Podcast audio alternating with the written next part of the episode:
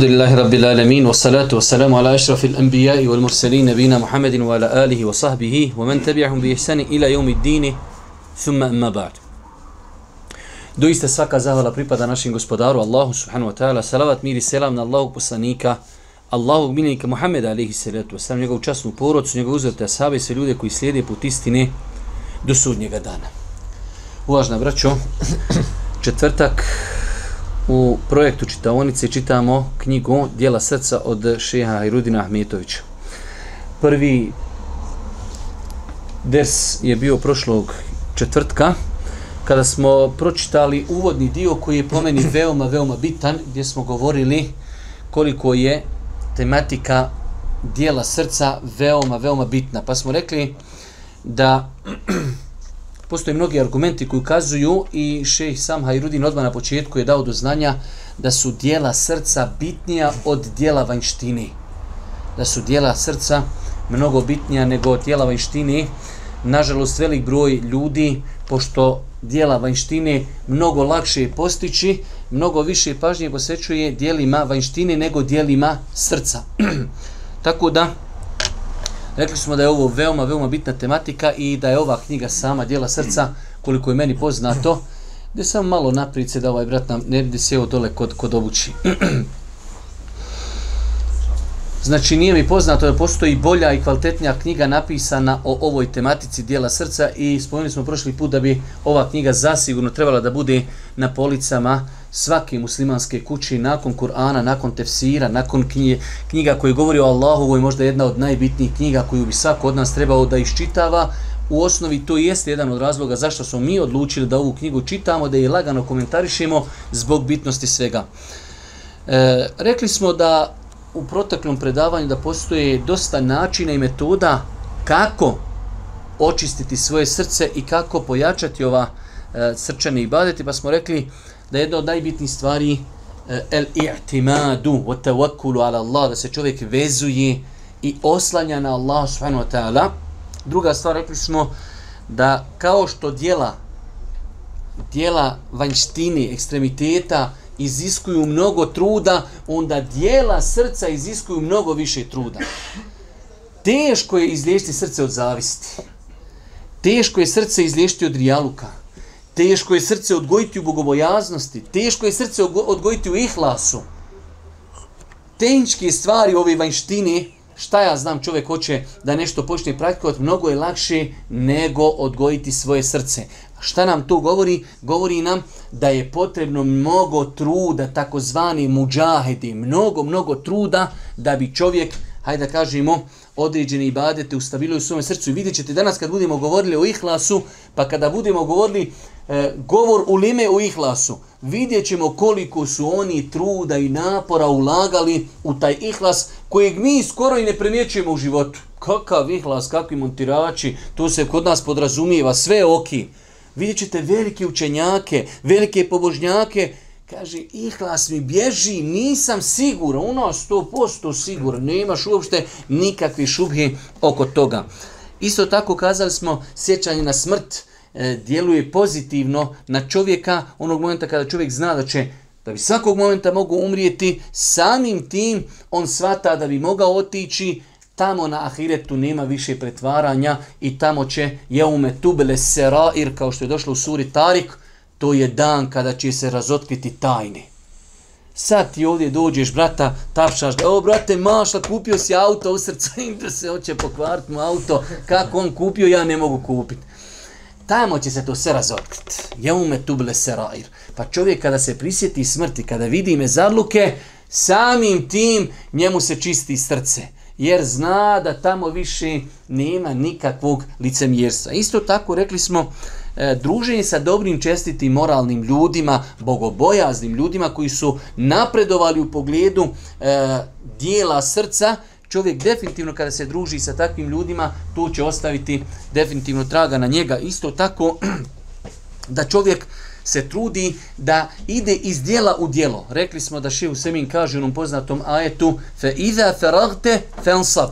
Kada završiš jedno dijelo, kreni u drugo. I to bi trebao da bude životni moto vjernika. Iz dijela u dijelo. Malo dijelo, nema vezi ali iz akcije u akciju, iz ibadeta u ibadet, iz dobrog dijela u dobro dijelo. Samim tim to, to vam je poput onog šmirk papira.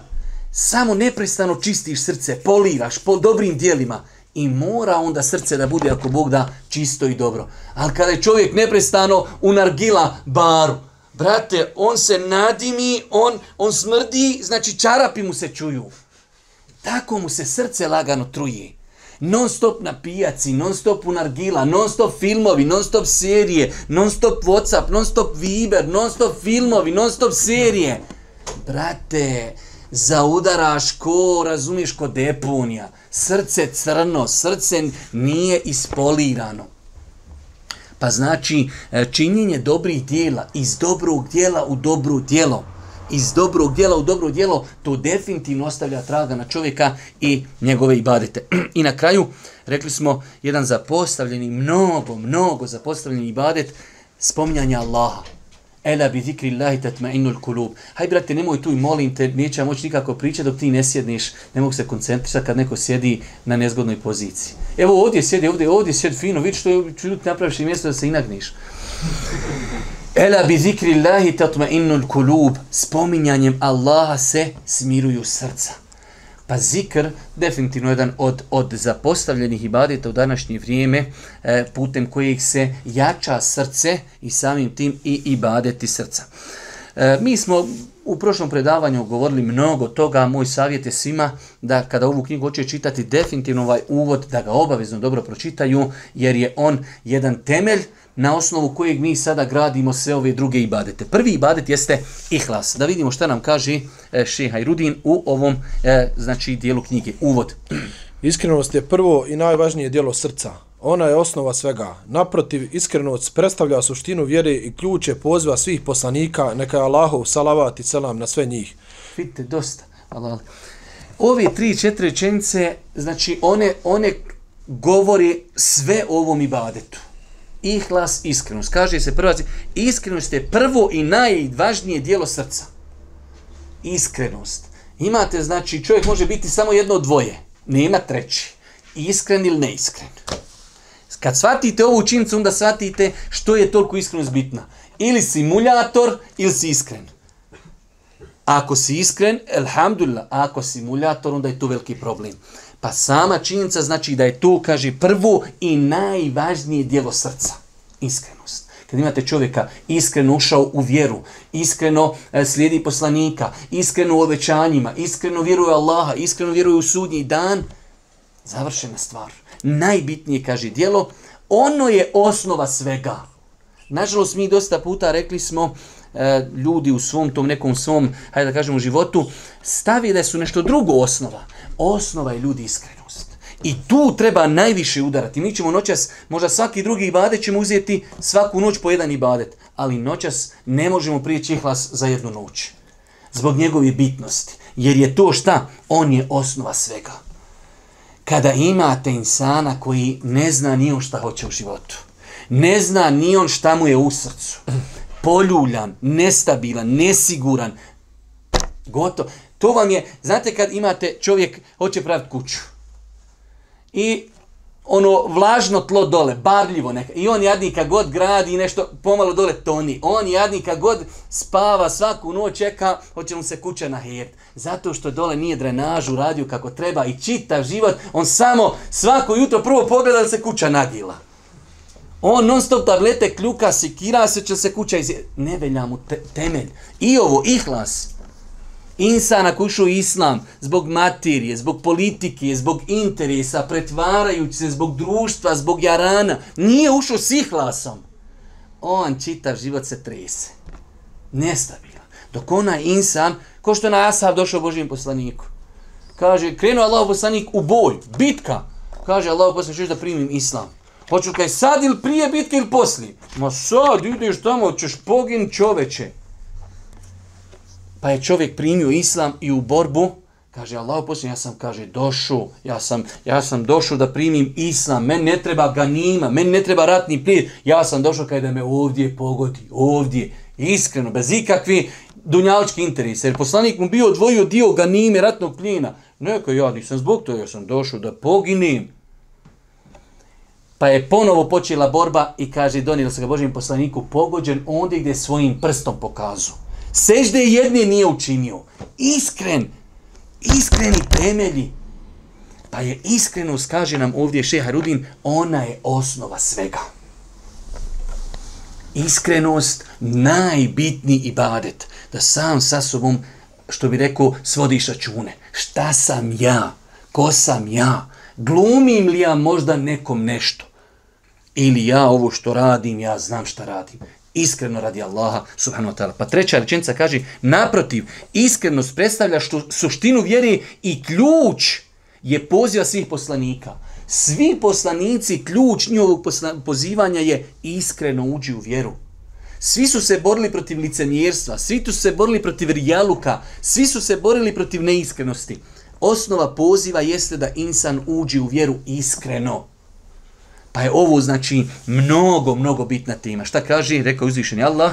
A nije im bilo naređeno osim da Allaha obožavaju iskreno mu ispovjedajući vjeru kao pravovjerni.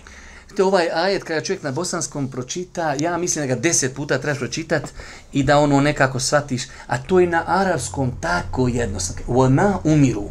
Nije njima bilo ništa naređeno. Vona umiru illa osim li ja'budu Allahe. Njima nije ljudima priješnjim i poslanicima, nije ništa naređeno osim jedna stvar. Li ja'budu Allah, da Allah obožavaju kako? Muhlisin, iskreno. Znači, ovo je, kaže, historija. Vojma umiru, illa li ja'budu, njemu, njima nije bilo naređivano ništa osim da Allahu robuju kako? Muhlisin, iskreno Allahu da robuju. Pa je ovo srž koju su pozivali svi poslanici. Drugi ajet. A zar samo Allahu ne pripada iskreno ispovjedanje vjeri? Opet, znači ovo je prijevod na bosanski koji ne može nikako dočarati arapski, arapski ajet. Kaže se na arapskom Ela lillahi dinul halis. Samo Allahu pripada iskreno ispoljavanje vjeri. Ovo je moj neki seosko-čobanski prijevod da se nakon malo bolje i lakše razumije. Ela lillahi dinul halis. Ovo sad kad čovjek, i zar samo Allahu ne pripada iskreno ispodeljan vjeri, to pročiš deset puta i opet vrtiš se u krug šta li je ovo napisano. A na arapskom je to toliko jasno, kratko upečatljivo.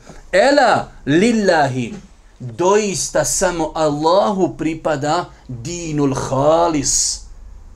Opet od dvije ihlas znači samo se njemu vjera iskreno ispovjeda. Dobro, iskrenost je? Iskrenost je srž ibadeta, osnova je primanja djela i njegova odbijanja. Vodi do uspjeha ili propasti, put je do dženeta ili vatri. Vidite ova rečenica, koliko stvari. Zato kad ovu knjigu treba čitat, ali iščitavat. Nju ne treba ono, prošto sam dana 60 stranica dijela srca. Dobro, haj šta si pročito? Nemam pojma, ali 60 stranica sam pročito. Brate, rečenicu pročitaj. Allah mi.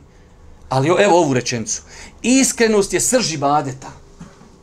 Srž ibadeta je iskrenost. Čovjek posti radi Allaha, klanja radi Allaha, daje, na, daje sadaku radi Allaha, ide na predavanje radi Allaha, ide u borbu radi Allaha, traži znanje radi Allaha i tako dalje. Iskrenost je srž ibadeta. Osnova je primanja dijela. Ja, rab, Znači da bi djelo, znate mi koliko puta to ponavljamo, ali više teoretski, da bi neko djelo bilo primljeno kod Allaha, treba da se ispuni dva uvjeta, da je iskreno radi Allaha i da je u skladu sa sunnetom. Znači radi se o bitnoj temi. Pogledaj koliko se čovjek trudi, ulaži, radi i dođe kaj, ne prima se. Ljudi, ja su usto. Srce, problem. Radi od Facebooka, čovjek sjedi na etahijatu, jednim prstom miče, drugim štajnica dole selfie, ali onaj da više puta šćocni, pa da, da more prst ufati u zraku, kako je mico prstom. Kod kjavi, kaj sad, sad me fata, evo suze su pošle kapat, sad, sad me ufati, to će mi biti najbolje. Ako nije suza, ba, ubac koju u Photoshopu, sam nek vidi se plaći dole kod kjavi. Nima znači, to bejara više nima ništa radi Allaha. Gdje god šta uradiš, daj nek vide ljudi. Pa kaže se ovdje iskrenost je srž ibadeta, osnova primanja dijela i njihovog odbijanja. Nemoj da mislite, to je velika greška. Kod nas, nažalost, je to rasprostranjeno. Bio u džami završeno. Nije to. Bio u džami ko nam garantuje da nam je ibadet primljen. Pa ibade da bi bio primljen, prvenstveno se gleda u srce. Radi koga se čini taj ibadet? Radi Allaha isključivo. Ne smije u tome ništa da bude nekome drugom mimo Allah subhanahu wa ta'ala. Zato je došlo u sure Rajeta Levi, koju svi znamo na pamet. Fevejlu lil musallin. Teško se klanjačima. Što misli da čovjek ovdje stani na ovom ajetu? Teško se klanjačima. Nećemo ljudi ni klanjati. Ako se teško klanjači, što ćemo klanjati? Kojim klanjačima? Ellevine hum juraun. Oni koji klanjaju da i drugi vidi. I zato smo više puta govorili, dvojica ljudi u istom safu, u istoj džami, isto svezali ruke, jednog namaz odvede u džennet, jednog u džehennem. Gdje im je problem? Isto, sve dižu ruke, svezano, sve. Jedan u srcu želi Allahovo zadovoljstvo, jedan želi da ga ljudi vidi. Gdje je problem? Srce. Dobro, idemo dole, značenje riječi ihlas. E, šta to, e, što se tiče značenja ihlas u šerijatskom? Okay.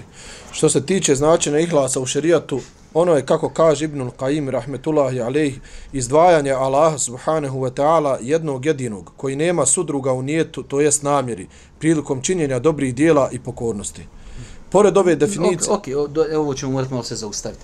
Prvo, jezički ihlas, riječ u arapskom jeziku, inače, kada god nešto definišete, imate jezička, znači definicija, imate, hajde da kažemo, terminološka nešto ihla znači nešto od nečega odvojiti, nešto da bude čisto, nešto da bude znači da nema drugih primjesa nečega u nečemu. To je jezički. A šerijatski je da čovjek svoje dijelo kada radi, rezimirano, znači ovo što nam je napisano, radi isključivo radi Allaha.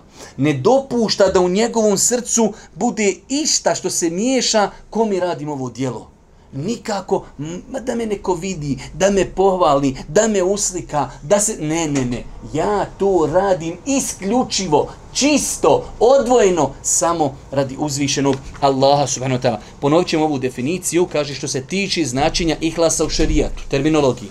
Ono je, kako kaže Ibnul Kajim, izdvajanje Allaha. Ovo je, pazite, ovdje je malo šeha Rudin je ovo bukvalno preveo, jer je to tako na, na arapskom, izdvajanje Allaha ne možemo mi izdvojiti Allaha, ali u smislu činjenje dijela iskreno samo Allahu. Njemu smo izdvojili to svoje dijelo nikome drugom. Izdvajanje Allaha, jednog jedinoga koji nema sudruga u čemu? U nijetu. U nijetu, znači moj nijet je, radim ovo dijelo isključivo radi Allaha. Ovdje se misli šta ljudi prvenstveno na ibadete.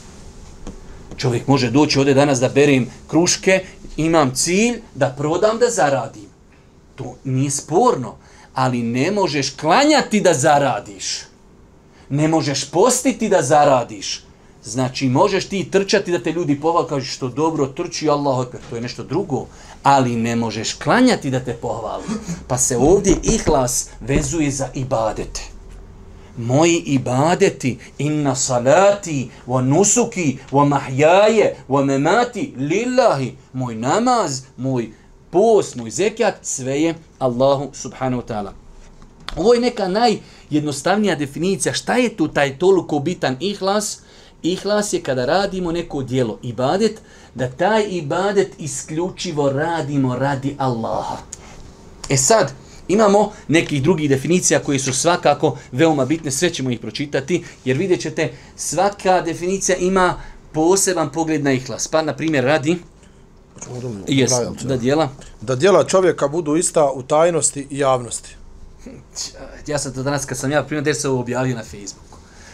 Znači, da budeš tajno i javno isti. Nemaš tri dresa, ko što mi nekad imamo pa pešist u kući vaka, u društvu, nakav, ko i tako da Ne, ne, javno, tajno. Klanjaš sam, ne plaćeš. Klanjaš u džami, opet ne plaćeš. Plaćeš kod kuće, plaćeš i kad si s narodom.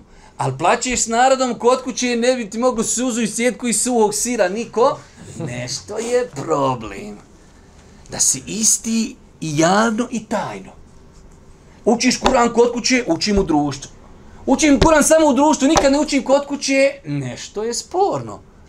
Da se pokušaš ihlas je, isti sam ja. Ja ako ga ne učim kod kuće, ne učim ga ni u društvu. Ako ga učim kod kuće, učim ga i u društvu. Ali ako samo činim nešto u društvu, ne činim to kod kuće, to je već drenaža malo počela da popušta. Dalje. Da za svoje dijelo ne tražiš drugog svedoka mimo Allaha, niti da očekuješ nagradu od nekog drugog mimo njega uzvišenog. Ne tražiš svjedoka. Ne treba meni da me neko vidio, ja bio na umri, ja dao sadaku, evo, evo, evo uplatnica što sam... Ne, vidio je Allah. Mene su zapisali. Ne očekujem da neko vidi, dovoljno je što je Allah vidio, i ne očekujem da mi neko znači dade nagradu. Ja to radim radi Allaha, to je ihlas.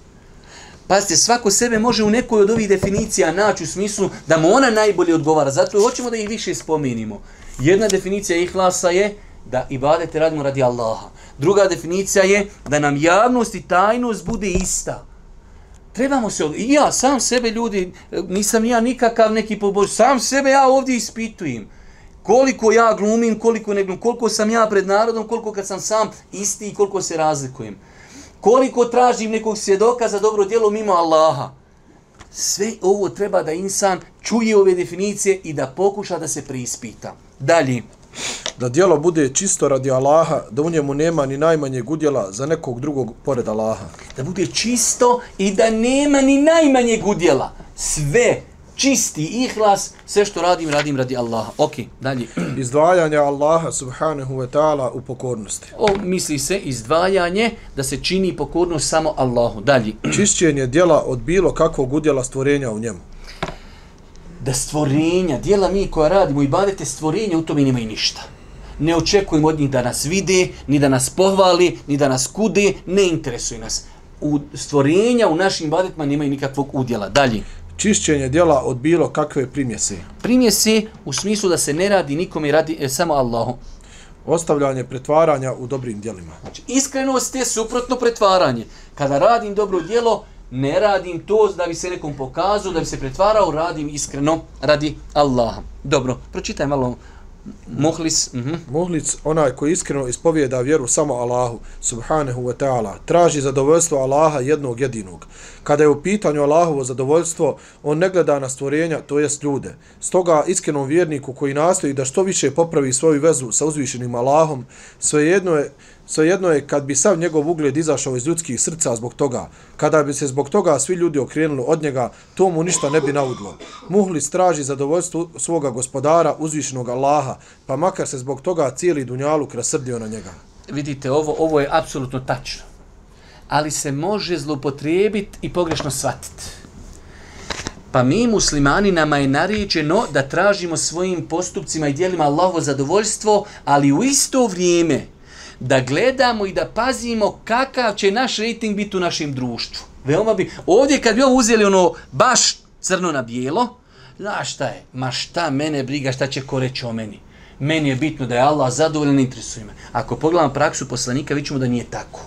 Boži poslanik kada je osvojio Meku, gotovo došao ko osvajač, osvojio Meku i kaže a iš hadis u Buhari, da tvoj narod, tvoj narod Kurešije, sad nisu friško primili e, islam, ja bi, kaže, naredio da se Kaaba sruši, pa da je fino napravimo na onim temeljima Ibrahima, ali i selam, i da napravimo dvoja vrata i da spustimo vrat. Tri stvari bi napravio.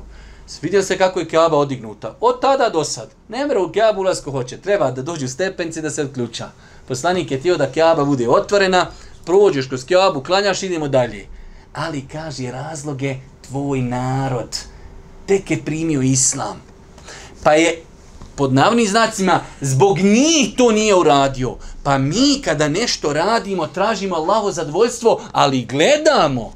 Meni je u interesu da sad fino idem kroz čaršiju i da ljudi ne bulje umrika, bau vidi ovoga, čupa, vrunđav, nikakav. Ne, ne, ne, ne. Ja sam musliman, ok, ali da budem čist, lijep i tako dalje. Šerijatski ispravno je, ono ispravno, nisi gre, da iziđeš u čaršiju i da nosiš samo dole šorc, gore nijaš ništa kod Tarzan. I ti sad ali ideš, ideš ti, ode nešto dole onaj, u čaši da kupim sebi krosan i idem ja dole pored sebila, ja se napuho, još ako si runđav i ako si se nabildo i bez majice idem. I neko se usakaš, halo, haram? Nije haram. A da li doliči? Da li može? Pa mi svojim postupcima pazimo šta će reći narod o nama. Ali prvenstveno gledamo Allahov hatur u svemu. Pa se te dvije stvari mogu spojiti. Znate, ljudi neke stvari ono uzmu crno-bijelo, ne znaju da se otkrio još onaj televizor u boji i sve crno, ne interesuje što će ko reći, bitno je da je Allah zadovoljan. Ok, da Allah bude zadovoljan, ako mogu spojiti da bude moj gospodar zadovoljan i da imam lijepu reputaciju i ugled i rejting, zašto da to ne uradim? Pa je veoma bitno da znači pazimo na ihlas, ali da pazimo na svoje ponašanje. I nažalost moramo konstatirati da nekada ti momci koji imaju upalu, upalu imana i to takve vizije crno-bijeli islam, e, znaju napraviti mnogo šteti. Znaju e, islam u očima ljudi prikazati veoma lošim i negativnim. Ne interesuje mene šta će meni reći moja rodbina, moja mama, moj ba, bitno mi je da je Allah zadovoljan sa mnom. Ne, Bitno mi je da je Allah Želšanu zadovoljan sa mnom, a da se maksimalno potrudim da bude zadovoljan i moja majka, i moj babo, i komšilu, i društvo u kojem živi da budu zadovoljni sa mnom. A to se može. To je postigao Allah poslanik, ali se letu se nam. Dobro. E, kaže iskrenost u Kur'anu, evo samo nekoliko ajeta koji govori o iskrenosti u Kur'anu, znači inače Hajrudin nam je obećao da kada god bude govorio o nekoj e, ibadetu, da će ga tretirati kroz dokaze Kur'ana, kroz dokaze sunneta, pa kako postići ta ibadet, koristi ibadet i tako dalje. Pa da vidimo kako Kur'an govori o iskrenosti. Onaj poznati opet ajeti sure El Begine. A nije im bilo naređeno osim da Allaha obožavaju iskreno mu ispovjedajući vjeru kao pravi vjernici. Opet se vraćamo u oma umiru. Nije im bilo naređeno ništa osim da Allahu robuju kako? Iskreno. To je jedino što je ljudima bilo naređeno. Naređeno da Allah robuju iskreno. A kada Allah robuješ, ti ćeš svoj život čitav uokviriti u okvire vjere i Islama. Pa znači, prva stvar, najbitnija stvar koju su pozivali svi poslanici, iskrenost u ibadetima. Broj dva. Reci, samo Allaha obožavam iskreno mu ispovjedajući svoju vjeru. Znači ovdje želimo kroz ajete da vidimo koliko se potencira iskrenost ihlas u ibadetima kroz kuranske ajete. Qul illaha a'bud muhlisan. Reci ja Allaha obožavam kako? Muhlisan. Iskreno, iskreno, iskreno lehu dini, njemu ispobjedajući iskreno vjeru. E, broj 3, ajet. Reci u istinu moj namaz i moji obredi, moj život i moja smrt posvećeni su samo Allahu, gospodaru svih svjetova. On nema sudruga, to je meni naređeno ja sam prvi musliman. Znači, moj namaz, moj zekat, moj post, sve je lillahi rabbil alamin. Sve ja radim i živim radi uzvišnog Allah ta'ala. Dobro, e, pročitaj nam gore ovo što je kazao Fudail. Fudail ibn Iyadu rahmetullahi alehi nakon što ovaj ajet iz sure El Mulk na ovakav način prokomentarisao rečeno je šta znači iskreno ispravno? Fudail je odgovorio u istinu djelo ukoliko bude ispravno, ali ne bude iskreno neće biti primljeno, kao što neće biti primljeno ukoliko bude iskreno, a ne bude ispravno. Neće biti primljeno sve dok ne bude i iskreno ispravno. Iskreno znači da bude samo radi Allaha, a ispravno znači da bude u skladu sa sunnetom. Či Fudail ibn Iyad je komentarisao ajet, nismo ga mi preštali onaj ajet iz suri Al-Mulk, Alladhi khalaqa al-mauta wal-hayata liyabluwakum ayyukum ahsanu amala. On vas je stvorio da vidi ko će bolje se ponašati. Pa njega pitaju šta to znači bolje. Pa on kaže dijelo, i to je ona teorija koju mi neprestano ponavljamo, dijelo da bilo primljeno treba bude i iskreno i da bude u skladu sa sunnetom. Ako je iskreno, nije u skladu sa sunnetom, ko što zna biti kod nas, neće biti primljeno neki se ljudi nekada malo e, naježe i nakostruše ako mu ukažeš, brate, Allah poslani kaže, men ahdefe fi emrina hada, ma lejse minhu, fe huwa red. Onaj insan koji uvede u nešto u vjeru, što nije od nje, bit će mu odbijeno. Džaba se trudiš, ma poslanik rekao, džaba radiš nemoj očekivati na sudnjem danu ništa za to svoje dobro djelo. Pa kad ja iskren, ok, jesi iskren, mi ti nismo rekli da si griješan, ali ti se ne prima, džaba trošiš snagu. Dođeš, ideš da trčiš sa ljudima maraton. I oni trče ovako, ti trčiš u kontrapravcu. I kažeš, ma ljudi ja trčim, ali trčiš u kontrapravcu, čo ne broji se, ne ispra... Ma kaj susto sam? Sve ok, susto si, ali brate, kontra smjer. Kaj pa ljudi, vi mene ne, ali ljudi, ja suzu, i ja sam optrčio koji vi, jesi optrčio koji mi, ali ne broji se, brate. Tako u islamu, dijelo mora biti radi Allaha i u skladu sa sunnetom. Može biti dijelo u skladu sa sunnetom. Allah, ekber, diži ruke po sunnetu, ali da me ljudi vide, opet ne velja. Opet ne velja. Po sunnetu, no sto posto misvak, čovjek čisti zube, ali kaže, neka ljudi vide kako ja dobro znam zube očistiti. A sunnet sto posto misvak. Brate, ne troši se opet. Sunnet i iskreno. Jedno fali, ne prima se. Ba ljut, pa ljut se. Pa trčio ja dva kruga u, u kontra. Brate, džaba se trču. Pa dijelo da bi bilo primljeno mora biti iskreno i mora biti u skladu sa načelima vjeri. Dobro. E, gde nam još ovaj ajet pročitaj? Onaj koji priželjkuje susret sa svojim gospodarem, neka, neka čini dobra djela i neka svome gospodaru u ibadetu nikoga ne pridružuje opet ovaj ajet iz sure Kehf, on ukazuje na ta dva a, velika a, principa da bi djelo bilo primljeno. Onaj ko priželjkuje susret sa svojim gospodarom, neka čini dobra djela u skladu sa svojim i neka svome gospodaru i badetu nikoga ne pridružuje. Da vidimo šta se kaže ovdje pojedini. Pojedini od ispravnih prijetodnika bi govorili, nema ni jednog djela, pa makar ono bilo i malo, a da se za njega ne otvore dva divana. Zašto i kako? Uradio čovjek dva djela. Za to njegovo dobro djelo se otvori dvije sveske jednu svesku se piše zašto. Šta znači zašto? Zašto ga je učinio? Drugo, drugi divan, kako? I ovo dvoje mora biti plus da bi dole bilo primljeno. Jedno bude minus, ne prima se. Zašto i kako? Uvijek sebi dijelo, kao ćeš raditi neko dijelo, zato su znali reći učenjaci, kaže, hajmo na dženazu, zovnu čovjeka. Čekaj, čekaj malo. Hajmo sad hoću da to bude ibadet. Neš da me neko povuče nako ono, nako automatski ošao. Ne, ne, ne, čekaj, čekaj, čekaj. Idem na dženazu jer je to ibadet. Zašto si uradio dijelo i kako si ga uradio da bi bilo primljeno. Dobro, prelazimo na, na sunnet. Druga strana, skroz 43. Sunnet o iskrenosti. Znači, ovdje nam je Šeha Irudin spomenuo dosta ajeta, pojenta je da mnogo ajeta govori o iskrenosti, naređuje iskrenost, da sva dijela, svi ibadeti budu iskreno radi Allaha subhanahu wa ta'ala. Sunnet o iskrenosti. O važnosti i obaveznosti ove osobine najbolje nam govori i riječi Allahovog poslanika sallallahu alaihi ve sellem. Sva dijela se cijene samo prema namjeri i doista svakom čovjeku pripada samo ono što je naumio. Pa ko učini hijđu radi Allaha i njegovog poslanika, njegova hijđa je radi Allaha i njegovog poslanika. Ako učini hijđu radi dunjaluka kako bi ga stekao ili žene kako bi je oženio, pa njegova hijđa je radi toga. Ovo je znači jedan od najtemeljnijih adisa koji govori o iskrenosti. I pogledajte u njegovu prvu riječ, odnosno rečenicu. Innemel e'malu bin nijat. Doista se dijela vrednuju po namjerama. Vjerujte ljudi, ovo je filozofija cijelog života. Vidite kako je bio Boži poslanik rečit. Tri riječi. Innemel e'malu bin nijat. Tri riječi. Innema el e'malu bin nijat. Doista se dijela vrednuju po namjerama. Onda Boži poslanik, pošto on bio najbolji pedagog, bio je najbolji profesor i učitelj, pojašnjava praktično. Kaže, imate primjer dvojice ljudi. Odošli da učinu hijđu. Hijđa je šta? Vanjski ibadet dvojica ljudi kaže hajmo iz Mekke u Medinu činiti hijđu. I odošli stvarno dvojica. Jedan čini, ode radi Allaha. Ode zato što mi je to naređeno, hoću da tamo mogu klanjati, da mogu postiti, da mogu živjeti islam. Drugi kaže, ode tamo, tamo će biti više muslimana, pijaca, trgovina.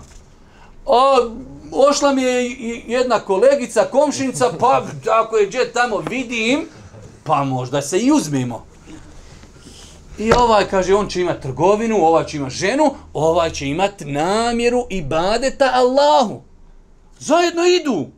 Zajedno klanjaju, zajedno na hađu. Jedan puca selfie, jedan ne puca. Jedan ima selfie od nagrade, jedan ima nagradu. Pa je znači ovo najkraći hadis sa najvećim značenjem koji postoji. In nemel a'malu bin nijat. Sva dijela se vrednuju po namjerama. Zato malo dijelo može namjer učiniti velikim. Veliko dijelo, čovjek kaže, milijardu dajem. A požuri uslikaj, sad kad budem potpisio, pi, slikaš li? Slikam. Ovo je dao des fening, ili nemam više, daj mu ime Allaha, des fening. Alhamdulillah, to će kod Allaha biti veliko. Des feningi. Ovo je dao milijardu, ali daj ščocaj, slikaj, piši, novine, Piš ček, se, ja sam gledao čekova veći od ove tabli. Nosaj ček ovako, e, uslikaj me. Eto ti ga, naloži vatru od njega.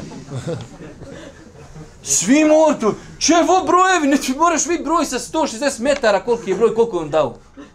uslikalo ček, dao je stipendiju, 30.000, evo ga. Velika dijela nije ti mogu činiti malenim. Vidjeli ste, ona trojica koja su prvi oti, koji će biti bačen u džehennem. Veliko dijelo, čovjek otići zadnji život na Allahom putu, Allahom to nije lako. Makar bio i licemir, otići poginuti nije lako. Veliko dijelo, čovjek dao život, čovjek poginu. Sve što imao poginu, dao. Ništa, ne broji se, gdje je problem? Nijet. Allah mi strahota. Mene je strah ovoj tem pričati. Strahota ljudi. Razlika između licemira i mu'mina je samo u srcu. Za vrijeme Božih poslanika u Medini bilo licemira. Ništa uči, klanja s poslanikom, brada, žena pokrivena, po našim parametrima, žena pokrivena, diže ruke, namazu i ostali bakarači. Sve, mu'min! Poslanik zna tamo ime, licemir. Innel munafiqina fi darkil asfali mine nar. Munafici će biti u najvećih dubinama džahennema. Ljudi sami, gdje si sila voli, jaranić, grli se s ljudima. Licemir. Kod danas nema, kod nas nema danas licimiranja. Sam su oni bili za vrijeme poslanika i nakon toga su iščeznuli. Ko, sa dinosaurusima izumali su. Misliš, bilo licimir za vrijeme Božijeg poslanika. Danas i nema. A danas je vidio imali momina Allah jednog na planetu. Govorili su ljudi iz prvih generacija, kaže, onaj ko se ne boji za sebe licemjerstva, takav je. Onaj ko se boji, taj bi mogao biti da nije. Kad smo mi, Allah, zadnji put sam se rekneš, znaš, možda sam ja licemjer. Ma koji? Ma možda sam ja šarem u Beširini, ja ću čovječe pometi u Beka, ja ću biti deseti unabradovani džennetom čovječe, čuje, ja licemjer. A gdje ću ja biti licemjer čovječe? Nemoguće, nema teorije. Mene šeta ne može na to navratiti. Kaže, ko se boji licemjerstva, sačuva se licemjerstva. Koga se ne boji kaj ta jest? Pa je licemjerstva bilo za vrijeme poslanika ali se da je to. Da ga danas ne bude. Razlika je samo srce. Teška tema. Dobro, uh, uh, ovaj hadis pročitaj nam. Ovaj hadis jasno ukazuje da se djela kod uzvišenog Allaha primaju samo sa iskrenom namjerom. Zbog važnosti ovog hadisa i njegove sadržine, Abdurrahman ibn Mehdi rahmetu, rahmehullahu ta'ala rekao je kada bi se napisalo neko djelo po poglavljima, ja bi na početku svakog poglavlja stavio hadis Omera ibn al-Hataba radijallahu anhu o nijetu u svim djelima. Kojim hadisom je Imam Buharija počeo svoj sahih? S ovim hadisom, zbog bitnosti, zbog bitnosti, najbitniji hadis. Zato kad je bilo učenjaka, pišeš knjigu, svako poglavlje, prvo na početku hadis, ovaj pa dalje piše. Koliko je bitno namjera, neprestano da obnavlja čovjek namjer nije. Sodno tome? Sodno tome, ukoliko izostane iskrenosti u ibadetu, pa ibadet ne bude učinjen iskreno samo, Allah, samo Allahu subhanahu wa ta'ala, već uz njega uzvišenog bude pridružen neko od njegovih stvorenja, takvo djelo neće biti primljeno kod uzvišenog Allaha. Dosta. Ovdje je, iako šeha i Rudin definitivno ovo je tačno, ali ne samo da djelo neće biti primljeno, već je čovjek upao prvo, kad bi mi sad rekli, slušajte, neko radi neka djela, pa bilo je tu i radi Allaha i radi naroda, pa eto no, ne, ne to je problem, to širk ide. Da bi sam rekli, nije primljeno, pa dobro, haj, nije primljeno, to nek nešto uradi, će mu biti primljeno. Problem je, bre, to je opasno. Pridružuješ Allahu širk, činiš znači sudruga. Evo dole sad sljedeći hadis. Ja sam neovisan, čitaj taj hadis. Ja sam neovisan od toga da mi se neko pridružuje. Pa ko učini neko djelo u kojem mi pridruži nekoga, ja ću ostaviti njega i njegov širk. Ostavit ću njega i šta? Širk! Uradio čovjek djelo. Klanju. I klanjuo je da ga ljudi vide. Kaj mu nećemo biti primljeno? To je najmanje što mu je problem, što mu neće biti. Hajde klanja drugi namaz, bit će mu primljen. Ne, učinio širk. To je problem. Hajde kažeš si, pa dobro, neću mi primiti, pa dobro, čita živu klanja, hajde popravi će. Ne, brate, uradio veliki grije. Pa je o to, znači, vidi, nema iskrenost, pa aj, ako nisi iskren, nema veze. Ne, moraš biti iskren ili si neiskren. Pa je tema više nego opasna.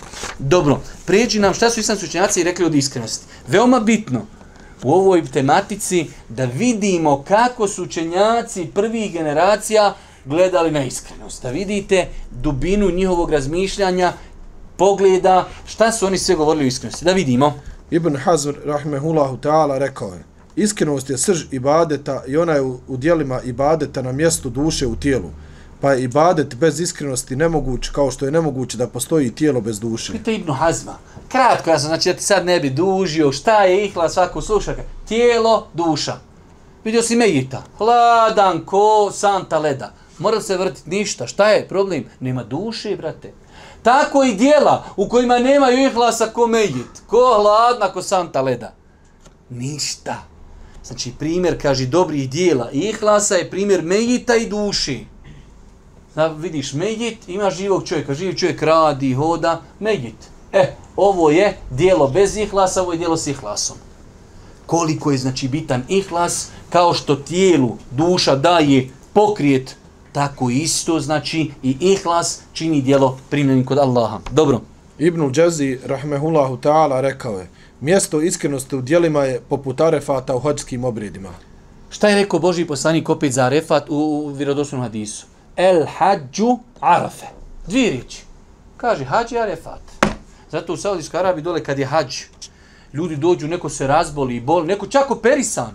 Oni bolesnike sve uzmu i na i dovuku na, na, na, na, na stolovima. Na, na, čovjek na krevetu leži, sam ga dovuci na refa, ostalom dakle će on neki kurbana, bit ćemo hađi nekako primljen. Ne bude na refatu? Ma brate, kad bi poklo svu Afriku ovaca, nema više od tog hađa ništa. El hađu arafe. Poslanik kaže, hađ je arefat. Sve druge stvari, mimo arefata i hađijskog tavafa, možeš nekako nešto... Ali ha, nema šarefata, nisi obao hađijski tavaf. Ma ne mereš ga namirit, nema kruha, moraš doći sljedeće godine. Zato dolazim, čovjek bolestan, operi mu slijepo crijevo, ok, zaši ga i na refat gore. Nek malo posjedi, šator klimatiziran, vozi ga opet u bolnicu. Poslije će on obaviti ostalo što treba bacati kamenčiće. Ali je bitno da je bio na refatu. Pa je znači najbitniji temelj hađa refat. E pa kaže Ibnu Džeuzi, ihlas je u dijelima ko što je arefat u hađu. Ne mereš nikako bez ihlasa. To je, znači, hajde da kažemo rezime svega. Broj 3. Ibnul Qaim, rahmehullahu ta'ala, rekao je, dijelo bez iskrenosti je poput putnika koji u svoj prtkak tovari pjesak, prenoseći ga s jednog mjesta na drugo, umara se, a ništa se time ne okoristava. E, to je onaj naš što trči kontrapravcu. Čovjeka, ja nosam pjesak cijeli dan, čuj susto, ja kaj odnio jutro stamo, pa od jutro nosio vamo. I šta? Pjesak, pjesak. Ali kaj ljudi susto, a što si nosio pjesak, Allah te uputio. Ko ti je rekao da ga nosaš? Što nisi lubence nosio dole u Makedoniji da ti ljudi nešto plati? Pa je znači, to je putnik, kaže, još on putuje, treba da ide, neka je nosio cijelo jutro pjesak s kamare na kamaru.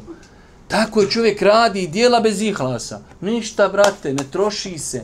Sjećam se davno, jedan stari, davno ders od Mustafa Efendića, e, Hafiza i Zavidovića, on, on zna, on stvari zna pojasniti, ja mislim da ne zna niko poput njega. Pa on priča o tom ihlasu i on zaista zna o tome dobro pričati. Kaže, dođeš na sudnji dan, a ne troši se robe, veli, valuta, došao si dole s valutom, kao odbri, bruto odbi, neto džaba radio cijelo ljeto. Ništa, bre, došao si tamo, ti donio, kaže, marke, ne troši, sada odeš u Gambiju dole i doneseš ti bosanski KM-ova. Ja kupio ananasa. On pogleda na Marko, veli, ne troši, ali ljudi, veli, ovo je stom, ovo za, u nas u Bosni, je mogu ananasa kupiti dulom. Kaj kod nas ne možeš kupiti jedan ananas. Ne znamo koja to para. Možda su iz bukvara is, išću po i donio nama čovječe. Ne troši se robe Boži. A ljudi veli, ja su usto radio za isto maraka tri dana na bauštali. Nosi u Bosnu. Nosi na Dunjalu, na Ahiretu se ne prima bez ihlasa. Pa je veoma bitno, znači, da čovjek pazi na ti stvar. Dalji. Ibrahim ibn Ethem, rahimehullahu ta'ala, rekao je, Allah roba koji žudi za slavom neće učiniti iskrenim. Allah neće roba, žudi za slavom, hoće da bude glavni, hoće, neće Allah njegu uputiti ga na put da postigne iskrenost. Zašto? Zato što on nešto hoće drugo, hoće da bude poznati, hoće da ga ljudi, hajde da kažemo, takvim doživljaju. Dalje. Bišr, jeli, Bišr el-Hafi, rahimehullahu ta'ala, rekao je, neće osjetiti slast ahireta čovjek koji priželjkuje da drugi ljudi saznaju za njega. Opa, Allah mi je nekad izjavio i kad čujem da se čovjek naježi. Kaže, neće osjetiti slast ahireta čovjek koji priželjkuje drugi saznaju za njega. Saznaju kako, kroz njegova djela. Uradio, gdje si čuo da je Haso to uradio, da je dao, da je bio, da... Znači, ako on čezni za time, neće osjetiti slast ahireta. Dalje. Sa'id Ibn el-Haddad, rahimehullahu ta'ala, rekao je, ništa ne odvraća od Allaha toliko, koliko odvraća želja za hvalom i položajem. Ništa ne odvraća od Allaha, od ihlasa, koliko čovjeka može odvratiti da radi dijela želeći time hvalu i položaj. Dalje. Bišer ibn el-Haris, rahimehullahu ta'ala, rekao je, ne čini dijela da bi se po njima spominjao, sakri svoja dobra dijela kao što skrivaš i svoja loša dijela. Vidi ovo čovječ. Allah, da čovjek ne povjer, zar mogu takvi ljudi biti, da su takvi bili, da su takvi izjave, da su takvi izjave govorili, sakri svoja dobra dijela kao što skriješ grijehe. pa šta će onda Facebook i propu ugasio se za heftu dana. Facebook rekao ljudi šta je ovo, niko se ne slika, šta je ovo, gasi Facebook. Sakrivaš ga. Fali se neko, pa dobro imamo mi ovi nenormalni, on se fali i grijesima. Ali prija su ljudi normalni, sada se kriju grijesi. On kaže, sakrivaj dobra djela koji grijehe. Sad ljudi i grijehe i dobra djela, sve se živo reklamira. Jar, jesmo, Allaha mi. Čudna, ovo, ovo je čudna etapa historije, pravo. Pravo, dalje, hajde dalje. Upitan je Sahel ibn Abdillah Testuri, rahmehullahu ta'ala, šta je najteže za dušu od svih dijela? Odgovorio je, iskrenost, jer pri iskrenosti duša nema svoga udjela. Šta je, kaže, duši najteži? Najteže je da se bori sa iskrenosti. Što? Jer u tom je ona nema nikakav udio. Duša, njezin udio je da je neko pofali, da je neko, a, hajde, hajde, šej, sjedi ovdje, evo tebi plečka. To duša se napuhe ko paun. Aha. Kad ti radiš na iskrenosti, ti to sve umrtljuješ. O, neće to duša, hoće duša da je, bujru, bujru, o, o, da se uslikamo, evo, i tako dalje. Pa duša to ne voli. Zato kad duši je najteži borci oko ihlasa. Jer ihlas joj, to, te privilegije dunjalučke koje uživa, odeš i sa ihlasom. Ti kad odeš na umru pa se uslikaš, sutra, o, jesi bio na umri, Allah, ekver. A ošao na umru, niko ne zna sad. Ja hodam po fadu i niko ne zna sam bio u fadu, da sam bio na umri. Pa jes mi to bez vezi. Ali kad sam ja bio na umri, pa se uslikam, pa zikrim, pa plaćim, ja dođem, o še si bio da tjela u Kabuli, a ja hodam ko paun, jes mi drago. Ej, to duša hoće. Ako odem na umru, vrati, niko nije znao duša, gladna, posti ona. Uveli, ali dok ću postit, slikaj se po žur da iftarim. Dalje. Sufjane Sevri, rahmehullahu ta'ala, rekao je, Nisa čim se nisam više borio kao što sam se borio sa svojim nijetom. U istinu, stalno mi se prevrtao. Znate ko je ovo? Aj molim te još jedan. Sufjane Feuri. Pa znate ko je taj insan? Allah zna možda svi ljudi danasnje planete kad se izvagali, on bio na drugoj strani, on bi nas prevagnuo. On kaj, ne mogu, nisam nikako stabilan, ko riba, ufati mi glas, on pobjegni. Brate, da, be, trebalo je tog Sufjana nama dovesti da ga mi podučim kako se mi sa ihlasom borimo. U nas je čvrst ko armirani beton. Ne pomiče se. A pogledaj šta kaže, ni sa čim se nisam više borio kao što sam se borio sa svojim nijetom. U istinu stalno mi se prevrće, bježi. U nas niže pobigo nije. Mi smo njega u Saharu uzeli, zaključali u lance, pa da je deđal ne bi se otkorčio ozdal. Mira Nila stoji, a pogledajte prvi generacija. Zašto? Jer su radili na ihlasu, borili se sa njim, preispitivali ga. Kod nas ništa prašno, na njemu ne diraj ga i to je to. Dalje. Jahja ibn Ebi Kesir, rahimehullahu ta'ala, rekao je, podučavajte se namjeri, jer je uistinu, uistinu ona bolja od djela. Podučavajte se namjeri, ihlasu, iskrenosti, nije tu. Jer je on bolji od djela. Ti možeš nekad uraditi djelo nevelja i namjera. Pa je bitno da se podučiš namjeri, a ona će onda uzrokovati dobro djelo. Dobro? Davude taj, rahimehullahu ta'ala, rekao je, vidio sam da svako dobro obuhvata lijepa namjera. Dobro, imam ovdje još neki izvijeka, slobodno vi to pročitajte kući. Dijela u kojima je iskrenost neophodna. E, ovdje imamo nekoliko dijela, e, hajde samo da, e, prvu, samo nam pročitaj prvu rečenicu. Iskrenost je neophodna u svim dijelima, svim riječima, javnim i tajnim. Ovo je jedno veliko pravilo. Ovdje nam je Šeha i Rudin spomenuo nekoliko dijela zbog njihove bitnosti, ali generalno pravilo. Svi ibadeti, sva dobra dijela moram pas na ihlas. Šta kaže? Iskrenost je neophodna u svim dijelima, svim riječima, javnim i tajnim. I dijela, i riječi, i javni, i tajni, u svemu treba ihlas. Ali ima nekoliko dobrih dijela kojima treba do, dodatno paziti na namjeru. Ali u svakom dijelu treba. Pa hajde vidimo prvo dobro dijelo. Iskrenost u tevhidu. Iskrenost u tevhidu. Vjerovanje u Allaha Đelešenu. Monoteizam da čovjek kada ulazi u vjeru, kada vjeruje u Allaha, kada svjedoči la ilaha illa Allah, da tu nema nikakve prašine. Radi koga? Radi čega? Zašto? Radi uzvišenog Allaha subhanahu wa ta'ala. Da vidimo šta se kaže. Ebu Sejid al-Hudri radi Allahu an prenosi da Allahu poslanik sallallahu alaihi ve sellem rekao ko iskreno kaže nema istinskog Boga mimo Allaha, on će ući u dženet. Ko iskreno kaže, sad dođete vi neki čovjek, evo nećemo sad nikoga, ali čovjek ne zna šta znači la ilaha illallah. I vi ga ko papagaj, dođeš njega, dođi vamo, hajde zamo, la ilaha illallah, Muhammed Rasul, la ilaha illallah, pola dana, ponovi dođe on, la ilaha illallah, Muhammed Rasulullah. I neko kaže, ovaj će u džennet. Nije će taj u džennet, brate. Ne zna šta to znači. Mora znati njihovo značenje i mora ih reći iskreno, radi Allaha. Prihvatam gospodara kao jedino božanstvo kojim se robuje i kojim se pokorava. Samo se njemu ibadeti čini. Muhammed je posljednji poslanik. A čovjek nakon kaže, la ilaha illa Muhammed Rasulullah, nakon slušao neđe ljudi, vika la ilaha i on rekao la ilaha illa. To ništa ne koristi. Sto posto, po konsenzusu učenjaka. Čovjek da bi mu la ilaha illallah bilo korisno i da bi ono bilo razlogom da uđe u džennet, jeste da rekne iskreno. Zato ovaj hadis počinje kaj, ko iskreno kaže, men kale la ilaha illa Allah khalisan min kalbihi. Ko iskreno rekne la ilaha illa, ući će u džennet. Ali iskreno, da razumije, da zna i da time ne traži ništa drugo.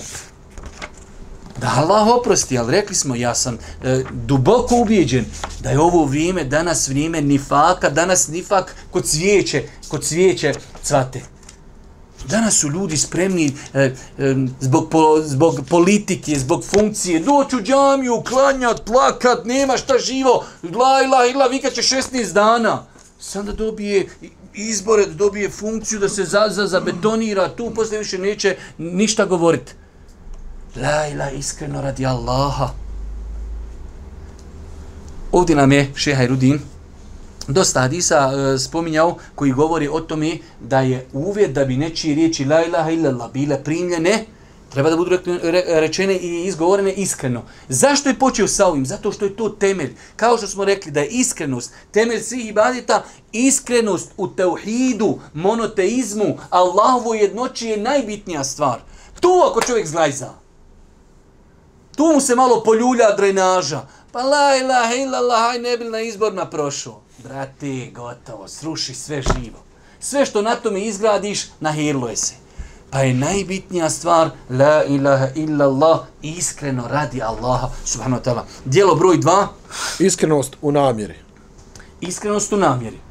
Znači imali smo iskrenost u monoteizmu, ispovjedanja, vjerovanju u Allaha, sada je namjer. Malo prije smo o namjeri govorili u onom hadisu innemel a'malu bin nijat, da čovjek kada radi dobra djela, kada radi ibadete, preispituje svoju namjeru da to radi, radi uzvišnog Allaha subhanahu wa ta'ala.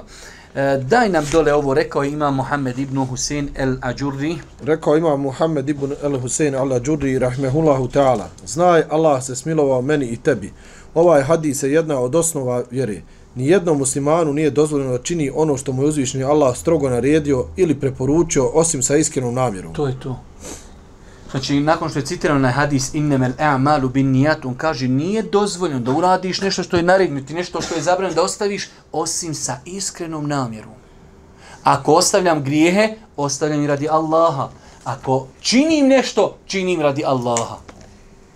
Pa je znači e, namjera veoma bitna, u ispoljavanju naše, našeg vjerovanja, monoteizma, tauhida, Allahove jednoći, veoma bitna, jer se sve nakon toga gradi na tome, nakon toga jedno, iskrenost u namirama, nakon toga broj tri, iskrenost u... Iskrenost u traženju šarijatskog znanja. Uh -huh, prečitaj nam. Najprije čemu se treba najpreće čemu treba posvetiti veliku pažnju, zašto se treba natjecati i za najveće ambicije sebi postaviti jeste sticanje šerijatskog znanja, traganje za ostavštinom pečata svih vjerovjesnika Muhammeda sallallahu alaihi ve sellem. U istinu, nikome nema spasa niti uspjeha na oba svijeta, osim sa šerijatskim znanjem. Ko krene pute traženja šerijatskog znanja, uspjeće i profitirati, dočim onaj koji se otkrene, okrene od njega stradaće i svakog će dobra uskra, uskraćen biti. Ja sam sinoć govorio kad smo komentarisali Rijadu Salihin poglavlje nauke. I Allah najbolje zna u današnje vrijeme, vrijeme smutnje, izazova, e, fitnetluka, grijeha i svašta nešto, jedno od najjačih oružja koje čovjek može imati u borbi protiv svih ovih nekih poruka jeste šerijatsko znanje. Pa je danas veoma bitno, bez obzira koliko trčimo za dunjalukom i ženitba i posao i sve to, moramo imati vremena za naobrazbu. Ne što, što su nama interesantne informacije, već nas to čuva. Sutra kad treba da im nešto učiniti, da znam smijem li ili ne smijem. Innel halale bejin, wa innel harame bejin. وبينهما أمور مشتبهات لا يعلمهن كثير من الناس halal je jasan, haram je jasan. Između njih su sumljive stvari. Danas je ljudi najviše kroz historiju čovečanstva što ima, danas je sumljivi stvari. Ekonomski i raznorazni projekti, banke, poslovanja, e, investicije. Danas je veoma teško znati šta je halal, šta je haram. Veoma teško. To može čovjek znati putem znanja. Da mu Allah Đerošanu olakša sticanje znanja i da ga, hajde da kažemo, usmjeri pa da to razumije. Pa je danas veoma bitno tragati za znanjem. Ali prije toga, da prilikom traganja znanja imamo iskrenu namjeru. Šta kaže? Malo?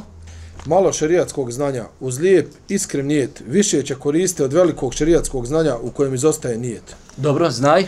Nastavi. Znaj, Allah se smilovao da je u velikoj opasnosti onaj koji bude tražio šerijatsko znanje kako bi poglede drugi ljudi svratio na sebe ili zadobio društvo uglednika ili da bi se raspravljao sa sebi sličnjima.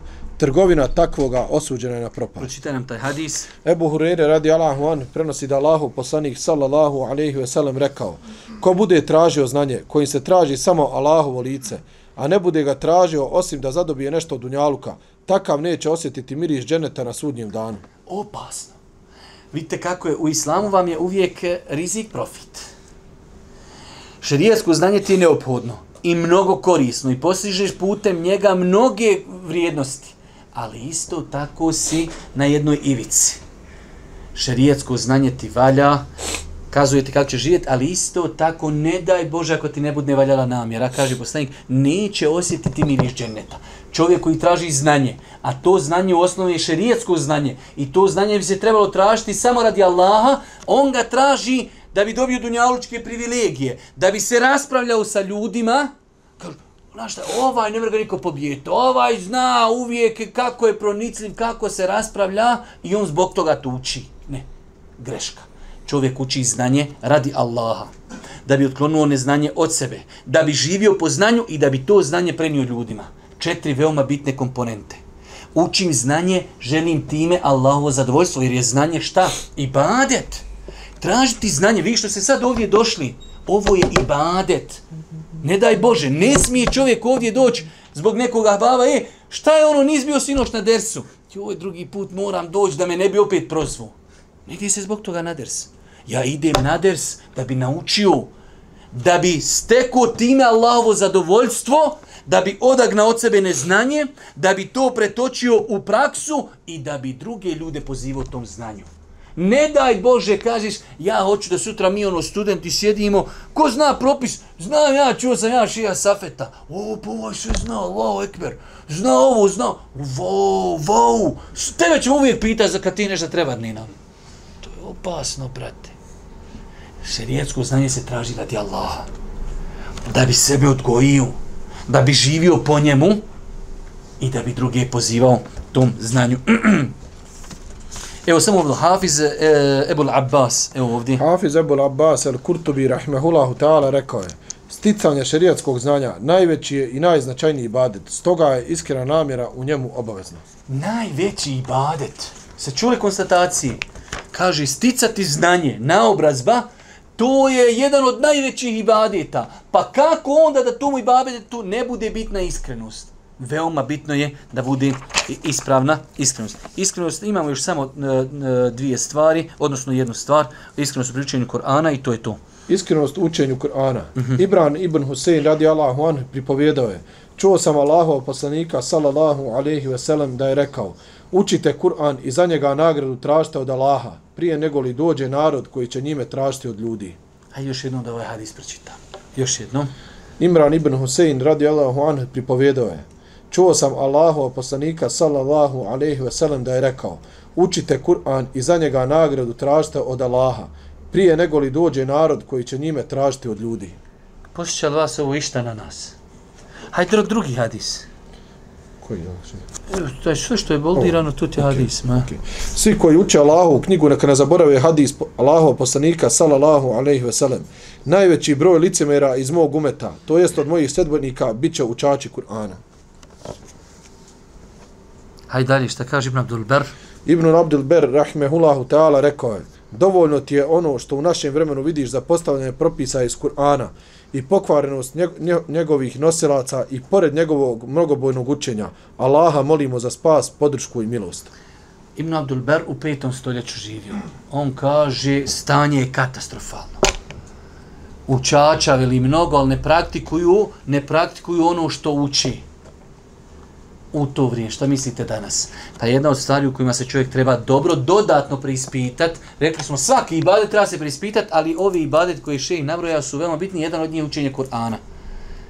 Zato što se tu veoma lako po, po, pomiješa, a uči Kur'an, a jesmo lijep glas, a dobrog mekama, e, de prouči mi hatmu za tamo nekoga predaka i tako dalje pa je znači veoma bitno da čovjek pazi prilikom učenja Kur'ana da time želi Allahovo zadovoljstvo. Svaki harf je nagrada, svaki, svaka nagrada je desetorostruka i tako dalje, ali da se pazi da time istinski želi samo Allahovo zadovoljstvo. Mi ćemo ovdje, došli smo do koristi plodova iskrenosti u svim dobrim dijelima. Jedna veoma, veoma bitna stvar, koristi plodovi činjenja iskrenih dobrih dijela. Tu ćemo ako Bog da za sljedeći put i svakako kako i na koji način e, popravljati i iskrenost kod sebe. Tako da e, ovdje ćemo se ako Bog da za, zaustaviti. Subhanak Allahumma da bihamdike, šedun la ilaha ilan stakfiruke, ve tubu ilaik.